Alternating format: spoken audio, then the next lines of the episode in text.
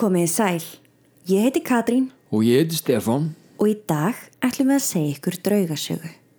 En þetta er aðeins öðruvísi draugasaga. Ég ætla að leifa mér að sletta aðeins og segja að þetta sé paranormal murder mystery þáttur. Ú, ok. Við erum stödd í Denver í bandaríkjónum á fallegri íbúðargötu. Það eru stór tré allt í kringum okkur og göturnar eru snirtilegar. En innan um öll íbúðarhúsin sjáum við þetta stóra, tignarlega rauða hús. Það er að vísu svolítið erfitt að sjá það út af öllum trjánum en það er svo glæsilegt að við viljum komast nær. Garðurinn er rísastór, bæði að aftan og framann og það er grindverk í kringum hann sem er mert 2555. Við viljum komast næri þessu húsi, við viljum komast inn í það og í dag getum við það. Við erum velkomin í Bed and Breakfast í Lumber Baron Inn and Gardens.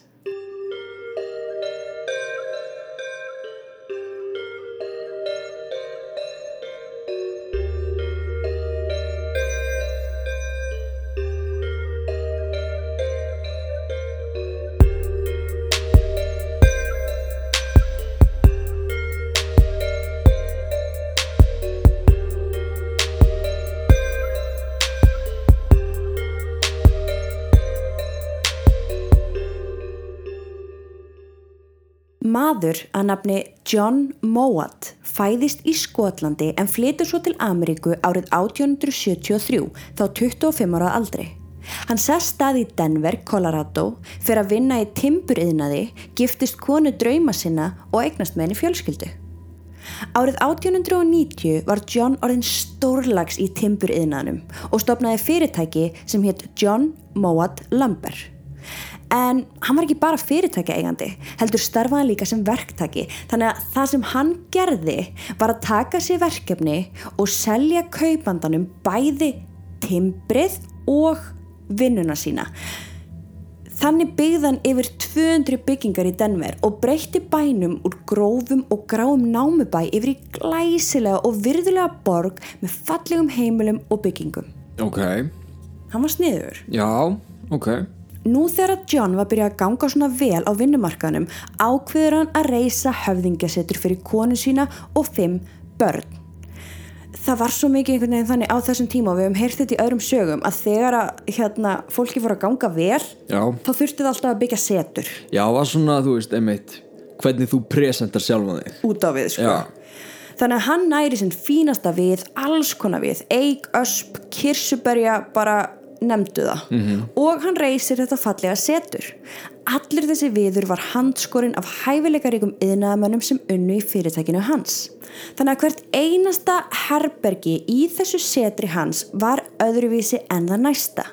Mismunandi trjáviður í öllum herbergjum og John hugsaði um hvert einasta smáatriði. Hann var til dæmis með útskornar rósettur í borstofunni og þetta er á þessum tíma, þetta var ekkit algeng. Nei, wow, ok. Við vitum að Moat fjölskyldan bjó í húsinu allavega til ársins 1915 en John Moat sjálfur lést í San Diego í Kaliforníu svo einhverjum tímapunkti hafa þau ákveðið að flytja. Mm, ok. En vitum við ekkert hvenar nákvæmlega? Nei, Ok. og í rauninni ekki af hverju kannski var það út af kuldanum í Denver eða þá kannski ákveðu John og konan hans að láta af störfum þegar börnin voru uppkomin og bara flytja í sólinni í Kaliforníu sem er alveg skiljanlegt. Já, já, já. Við vitum að Móat fjölskyldan seldi setrið til Híram Fowler og fjölskyldu hans sem byggu þarna á meðan hverfið var gott. Ok. Híram hafði grætt ágætis pening eftir að vinna í námum í mörg ár og hann var þekktur fyrir góðvild sína við börnin í hverfinu. The Ballroom, eða hvað sem var, ballsalurinn, Já. var notaður á hverjum degi sem risastórt barna leikherbergi og börnin í hverfinu elskuð að koma í heimsókn og leika sér í dúkkuhúsinu sem dóttur hans átti á meðan önnu börn leikur sem er fallega dótabíla og flugvilar þetta var bara þetta var bara æðislu staði fyrir börn. Og nú spyr ég, er ekki allir að býða eftir því sem núna ég segi eitthvað ógulegt Jú, einmitt. Að hann hafi síðan drefið öll börnin og þau séu núna föstin í setrinu. Já, eða þessi batnan í einhverju eitthvað hræðilegt. Já, það var nefnilega ekki svoleiðis. Hann var bara í alvörunni innstinn í hjartanu sínu mikill barnakall og hafði Ok. gaman að því að bjóða krökkunum í hverfinu á skemmtilegan stað til að leika Ok. hann átti náttúrulega börn sjálfur en síðan nákvæmlega eins og gerðist með Móat fjölskylduna árin liðu börnin stækkuðu og endanum fluttuðu það heiman. Þá voru þau hjónin alein eftir í þessu rísastóra húsi. En þrátt við það þá var öll fjölskyldan tengd setrinu. Þeim þótti vænt um það og þau vildi endilega finna leið til þess að varðveita það. Þó þau hefðu líklega átt að selja það þarna. Á meðan hverfi var ennþá talið gott. En þannig erum við ekki að tala um neginn sko rakföll eða áföll eða morð eða döðsföll Nei, Vá, ekkert ok. sem við vitað allavega Nei, ok En þannig í staðinn fyrir að selja það þá fengu hínur og þessir fálar fjölskyldumæðlumir að búa í húsinu. Á endanum reyndi fjölskyldan að breyta þessu í atvinnuhúsna til þess að reyna bara að fá einhverjar tekjur svo þau gætu haldið seturinu uppi af því það var orðið gamalt og það þurfti mikið að laga svo þetta gekk allt saman frekar brösulega hjá þeim. Já, ok Á einhverjum tímapunkti var seturinu breytt í viðskiptaskóla. Það var vist eitthvað rosalega vinsalt á þeim tíma en það Ó. gekk ekki upp hjá þeim. Þá gerðist það sem gerist svo oft með svona stórhísi. Það var hólfa niður og skipt upp í 13 íbúðir og með 13 íbúðum kemur fullt af fólki sem gerði það að verkum að enn meira slit varð á húsinu. Þetta var einhver tíman á 5. áratögnum sem þetta er að gerast. Já, vá, við erum að sjá þetta sama og er að gerast í La Lori seturinu Því var einmitt líka skiptu Já. Ok, En síðan hægt og rólega í gegnum árin fór hverfið að breytast. Fátækara fólk flutti í gödurnar. Fleiri setrum var breytt í íbúðir og alls konar ógæfi fólk var í hverfinu. Fálarfjölskyldan satt núna uppi með setrið sem voru bara litlar íbúðir með alls konar leyendum. Margir þeirra voru bara eðlilegt fólk en ég held samt að flestir hafa verið fyllibittur, glæpamenn eða vikt fólk sem átt engan samanstað. Þau reyndu að selja bygginguna en af því að hverfið var orðið bara hálgert ghetto þá vildi enginn kaupa það. Og þar sem þau voru ekki að græða neitt á því að eiga húsið var fálir fjölskyldan ekkert að spá í neinum öryggisráðstöðunum sem hefði verið mjög nöðsilegt fyrir leyendu þeirra. já, það make a sense En já, þau hefðu greinlega átt að selja þarna á þessum tíma þar sem að það var aðeins Já. svona betra Árið 1970 voru leyendur aðeins að borga 96 dollara á mánuði fyrir að leia líti herbergi. Hægt og rólega hjælt húsið áfram að slitna. Í lok nýjunda áratöksins var fálurheimilið talið ekki boðulegt lengur fyrir fólk til þess að búi. Það hafði mikla möguleika, það var hægt að gera það upp, þetta gat verið tækifæri fyrir einhvern handlægin og sem betur fer urðu ung hjón að nafni Walter og Julie Kellert ástfangin af seturinu og vildu kaupa það. Þau björguðu því eiginlega og fálir hjónin urðu fegin að losna bara viðaloksins. Óh, já Kellert hjónin enduristu húsið á þremur árum með miklum kærleik og miklum peningum. Þau voru þrautseg og eittu öllum sínum tíma í að gera upp húsið. Þau breyttu kjallara íbúðunum í eina stóra íbúð og ákvaða búa þar sjálf og vonuðu að hverfið myndi ná sér aftur á stryk sem það síðan gerði. Ok, Þau innréttuðu húsið með alls konar fallegum antík húsgögnum, bættu við baðkari og sturtum og byggu til fataherbergi í nokkrum söfnherbergjum. Þau gróðu settu garðana bæði fyrir framann og aftan og bættu við fallegum garðmunum og gósbrunn. En núna voru þau búin að eyða miklum peningum í þetta setur og það kostaði sitt að halda því við. Þannig að þó þau voru ekki alveg búin að ákveða hvað þau ætluðu að gera við það í framtíðinni þá ákveðu þau að opna gisteheimili og nota þá tekjurnar sem þau fengið þaðan til þess að gera upp húsið. já, ok, sniðugt algjörlega. Já, Gistiheimilið var kallað The Lumber Baron Inn and Gardens og þau notuðu stóru herbergin sem sal fyrir brúðkursveislur og byggu líka til fundarherbergi fyrir viðskiptafólk. Þau byggu líka til leikús í fallegasta og glæsilegasta salnum og Denver samfélagið borgaði undir það. Já, ok, þannig að þannig er þið komið bara með eitthvað fjárveitingu til þess að já, vera með eitthvað menningarmála eða list Algjörlega. Já, í bænum, ok, frábært Áður en þau vissu af fannst kellertjónunum skemmtilegra að setja upp leikrit og leiki þeim frekar hann að reka gistiheimili sjálft. Ok, þeir eru bara fundið bara köllin sína þarna. Já, og svolítið svona, þau viti ekki alveg hvað þau eru að gera. Bara svona hopp í eitt verkefni og svo næsta. Já, ok. þannig að í apríl árið 2008 voru kjælastjónin orðin algjörlega áhugalaus um rekstur gistiheimilisins. Því nú voru þau búin að stopna leikhóp og þau fóru að horfa í kringum sig að stærra húsi til þess að sína leikriti sín. Þannig að frá og með júli 2014 var Lumber Bar Inn til sölu á hvað, 2 miljónir og 300.000 dollara? Það er talsverðu peningur. Já, Þetta er stórt hús. En málið er sko að þó það væri á sölu þá var samt ennþá hægt að koma þarna og gista. Þau hættu rauninni bara að bera fram morgumat og þau hættu að vera með einhverja þjónustu Já, en fólk gat samt sem áður ennþá tjekka sig inn og fengið að gista. já, eiginlega bara svona eins og Airbnb eða eitthvað svo Já, bara þú veist, max eitt starfsmæður Já, já, já. En það er núna sem óhugulegasta sagan gerist. Ég er tilbúin Ok, förum aftur til ársins 1970 þegar hverfi var ekki svo gott og búið var að skipta setrun upp í marga litlar íbúðir. Þá gerðist hörmulegur harmleikur sem er ekki ennþá búið að leysa núna árið 2020. Ok, erum við að fara að leysa þetta? Valla. Ok, Mér langar að segja ykkur söguna af Köru Kannok. Hún var aðeins 16 ára gömul, ótrúlega falleg, sterkur karakter og hafði mikla skoðanir á hlutunum. Hún var frjálsli í fari og mjög sjálfstæð miða við aldur og út af því ákveður hún að fletja burt úr húsi foreldra sinna í pínulilla íbúð í setrunu sem við erum að fjalla um. Hún hafði búið allt sitt líf í mjög góðu útkverfi í Denver en þið veitir hvernig úlingar geta verið. Þau vilja verða bara sjálfstæð strax Já, já. og það var akkurat það sem Kara vildi. Og þó ótrúlega ég virðast tók hún þessa ákverðun með samþykki foreldra sinna. Fadurinn að Richard útskýrði fyrir rannsóknarblæðamanni hjá Denver Post árið 2014 að hún hefði alltaf verið mjög sjálfstæð og þó að þau hefði ekki viljað sjá hana fara í borgina og búa eina þá vildu þau samt halda góðu sambandi við hana.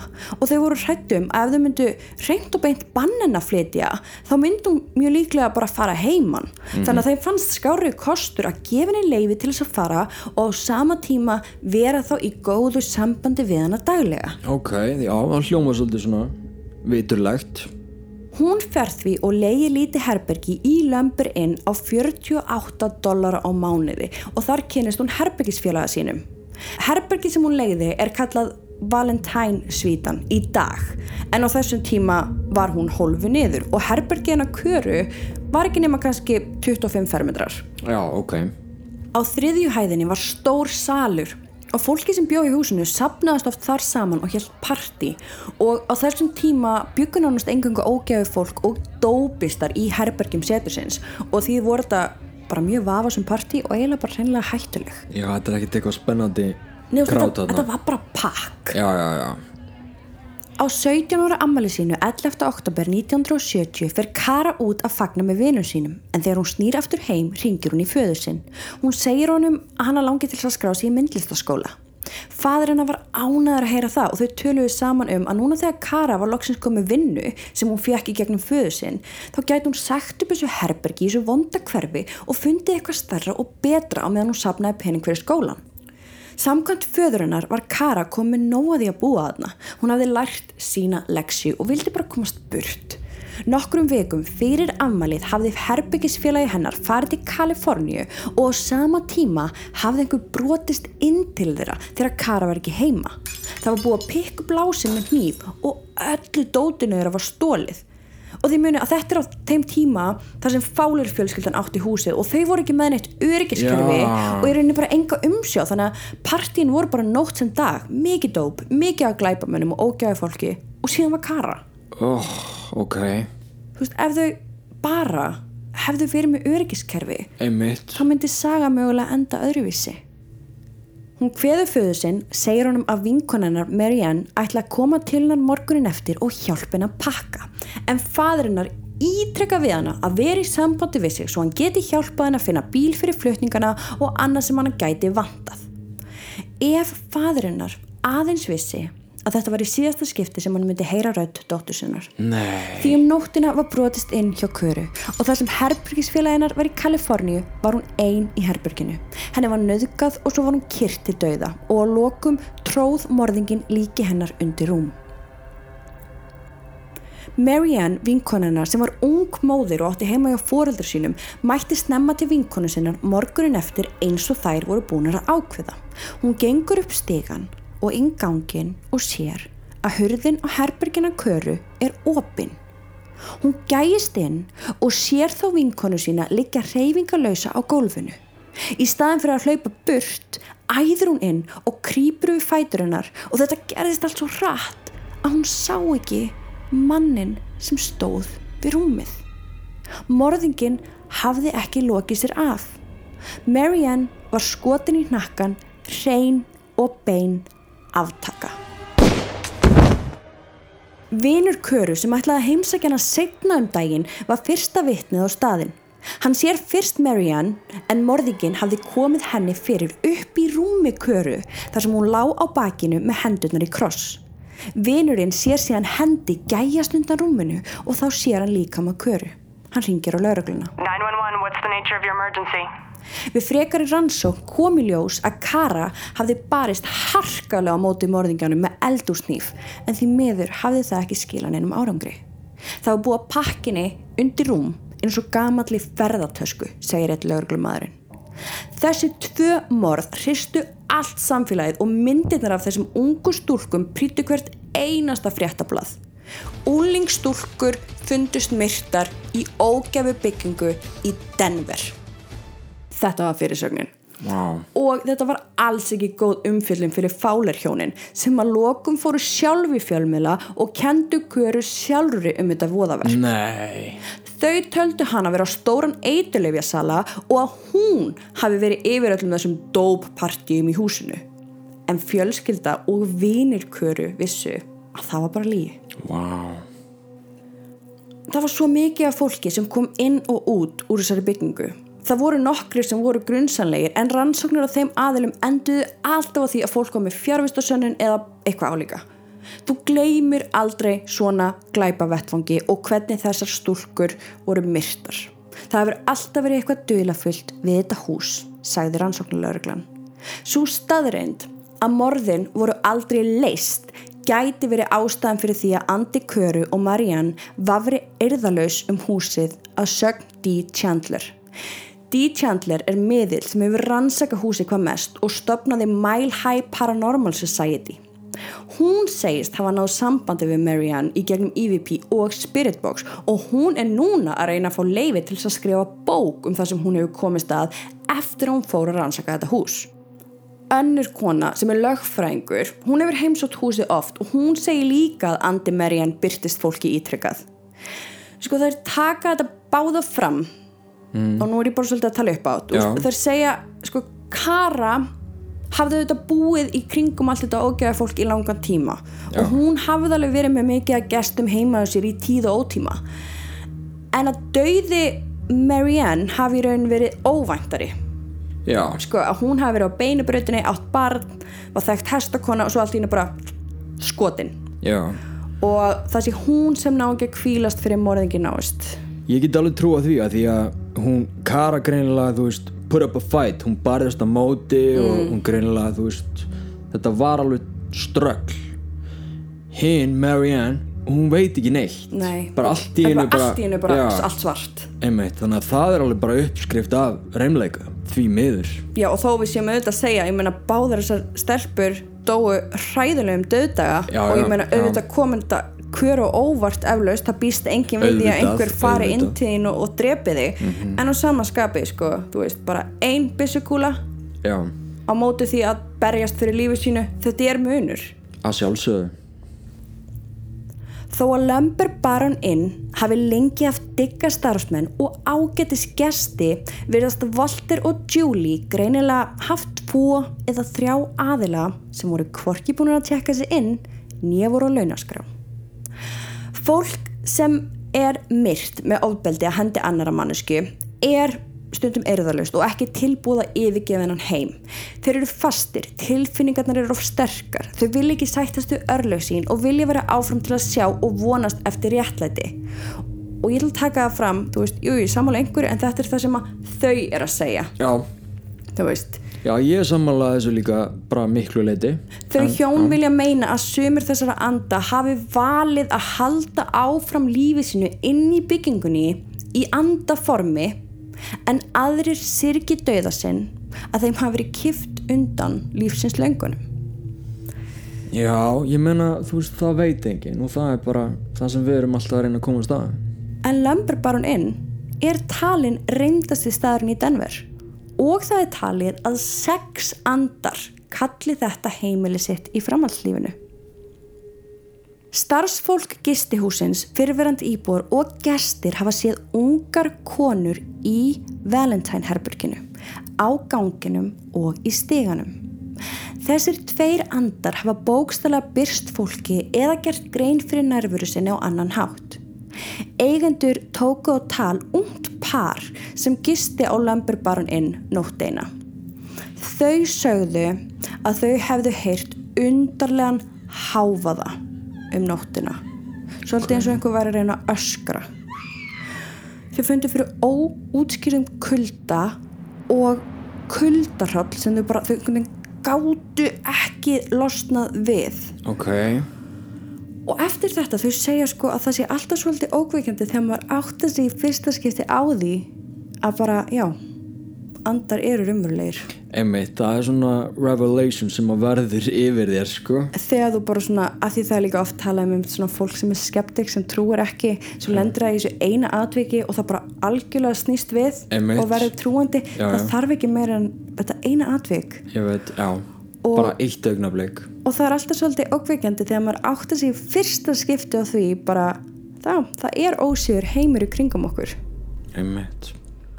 Þau útskýra að þegar þau komu upp aðalstegan að Valentine herberginu að þá byrjaði þeim að svima. Og konan sem sagt fekk nálátofa út um allt hún segir að hún fái það oft þegar andar séu nálagt Já, við höfum upplegað það. Já, það er rétt Annað atvik var skrifað um í Denver Post en súgrein var um atvik sem að eigandin Walter Kelly hafði lendi í kvöldi eftir að hann var á ganginum á milli honeymoon svítunar og Valentine herbyggisins. Hann var á fjórum fótum að gera við flýsar á gólfinu og hann bara allt í hennu finnur fyrir nærfur einhvers sem hann er samt ekki að sjá Ok, hversu oft hefur maður samt lendi þessu Einmitt. og hversu oft hefur maður hrist þetta af sér en, en Jú, svo jú. er þetta öruglega bara einhver að horfa á því honum fannst þið mitt eins og einhver stæði yfir honum og á meðan hann var að vinna.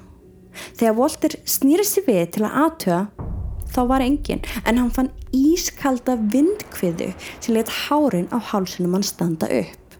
Engin eðlileg skýring var á þessari vindkviðu já, þetta er eins og hérna áskrifundu vita með viðtali sem við tókum við Andreu Perron Já. það sem hún talaði um kalda lofti það er svo mikil greina munur á bara köldu veðurfari -hmm. annars vegar og svo svona óvæntum yfir náttúrulegum kulda hrolli hins vegar. Hún sagði mér að það fór ekkert á milli mála. Einmitt, það er ekkert erfitt að finna munin á þessu tvennu ef þú hefur upplifað. Já já já Það er kona sem lætur oft sjá sig í dansalnum. Starfsmaðurinn sem sér einnig um skoðunaferðir segir frá reynslu sem hann var fyrir. Hann var kvöldeitt að ganga frá stólunum eftir leiksýningu. Þá heyrir hann hljóð aftast í salnum og þegar hann lítur upp sér hann konu en hún stýr baki hann og labbar hratt í burtu. Hann held að þetta væri konan sín svo hann kallar á hana og hleypur á eftir henni. Hann átti samt ekki vona á henni í dansalum þannig að honum fannst það svolítið skríti hann hleypur út um allt en hann sér engan. Hann fer þá hann í eldúsið á neðri hæðinni og þar stendur konan hans að vaska upp. Hún hafði ekki farið upp á efri hæðina. Hún hafði ekki einu sinni yfirgið eldúsið á seinasta klukkutímanum og hún tjáði honum að þau væri tvö eftir í byggingunni En þó ég gæti öruglega, ég komið alls konar svona litlu draugarsum sem hafa gerst þarna. Þú veist, gestir hafa orðið fyrir hín og þessu. Það er þetta venjulega, það eru, það er verið að kveikja slökkuljósin, það er verið að labba, það er einhver að labba í, steganum. En það sem mér samt kannski langar aðeins meira að svona tala um núna Já. er varandi þessi morð. Já, Af því að sko EVP sannanagögn, myndbönd og öðrum samskiptum hefur verið náð um nærfuru andana inn í þessari byggingu. Já. og þessir andra var gert að ljóst fyrir lifundum að þeir eru hér til þess að láta vita af sér og taka eftir þeim. Og svo eru þessi paranormal hópar. Sko nokkrir af þeim hafa náð sambandi segja þeir já, við þessar ungu konur við þessar ungu stelpur sem voru myrstar ok, magnað. Í gegnum EVP og þau hafa fengið að heyra bara hérna hræðilegu sögu um morðin en ekki nægar vísbendingar til að ná nafni morðingjans fyrir en Spirit Paranormal gerði tvær rannsóknir, eitt árið 2011 og eitt 19. oktober 2012 og það var þá sem þau náðu loks fullu nafni morðingjans. Nei, Þannig ég get ímyndað mér svona það sem þau eru búin að vera að gera. Þau eru búin að vera að fara inn í þetta hús með það markmið að reyna að komast að því hver drap þessar stelpur. Og þetta er ekki fyrsta skipti sem þetta er gert. nei, nei, Þú veist, þetta er gert út um allan heim. Einmitt. Og í dag ennþá. Já, já, já, Þannig að þetta er það sem þessi hópur hefur verið að gera. Þau hafa verið að fara aftur og aftur og aftur. Þau hafa fengið söguna en einhvern veginn aldrei fengið þetta nafn. Fyrir en þetta ár sem þau fá sem sagt sama nafnið með árs millibili. Já að já, Ok, og fullt nafn. Ok. Í Spirit Box eða EVP það er erfitt. Já, þannig að, og hvað þá tvisvar? einmitt, en ok, þeir eru komið þetta nafn þeir eru samt ekki að fara að gera neitt veist, það er engin lögregla að fara að taka þetta þú veist, þú verður auðvitað að vera með ykkur sannanir. Já, já, þau tala um á Facebook síðinu sinni 20. oktober 2012 og segja þá frá því að þau hafðu fengið nafnið ok. Og þau segja líka þegar við vorum að pakka saman hittu við síðan meðli með sjónvastáttarins Ghost Detectives. Þá svo það virðist vera að við séum ekki ein að reyna að leysa þetta 40 ára kalda mál. Vel gert, erum við með þetta nafn? Mæ, Nei Það gæti náttúrulega verið að þetta sé orðið bara lauruglumál í dag. Þetta er náttúrulega 2012 það er erfitt að finna um þetta sko. Já. Ef einhverjan út er með nafni sko þá má ég endilega láta okkur vita. Ég fann ekki nafni Endilega látið okkur vita. En ég get sagt þér það að eina ástæðan fyrir að fólk er að fara að neinn og investigata að rannsaka er út af þessu máli. Ok, þú veist, fólk er bara hann vill komast að sannleikanum og já, fá þetta, réttlæti þetta bara. gerir fólk svo reitt. Já, The Lumber Baron Inn and Garden er ennþá starfandi í dag og þau bjóða meira þess að upp á brúðkupstjónustu ef þú ákveður í daginn að heimsækja Denver þá mælum við með að þú bókir Valentine herbyrgi hjá þeim í dag lýsa þær herbygginu á þennan hátt Þessi svíta var nefnd til heiðurs Margaret Valentine Mowat, yngstu dóttur John Mowat. Þetta glæsilega herbergi er eitt af fallegast í húsinu með flóknu loftminstri, risastóru rúmi og speil í stíl. Í herberginu er nútímalega styrta og stór nuttbottur. Herbergið er ekki ætla börnum undir áttara. Nóttin kostar 249 dollara en það er hvergi tekið fram hver heimsækir herbergið þegar fyrir að dimma. Þú skoða myndirnar og sérð fallega húsmunni en kemst ekki hjá því að horfa gólfið og veggina.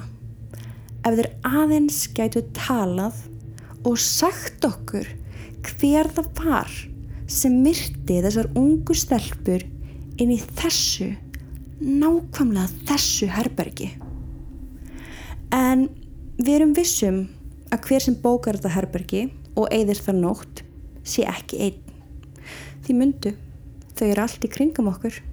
Við bara sjáum þau ekki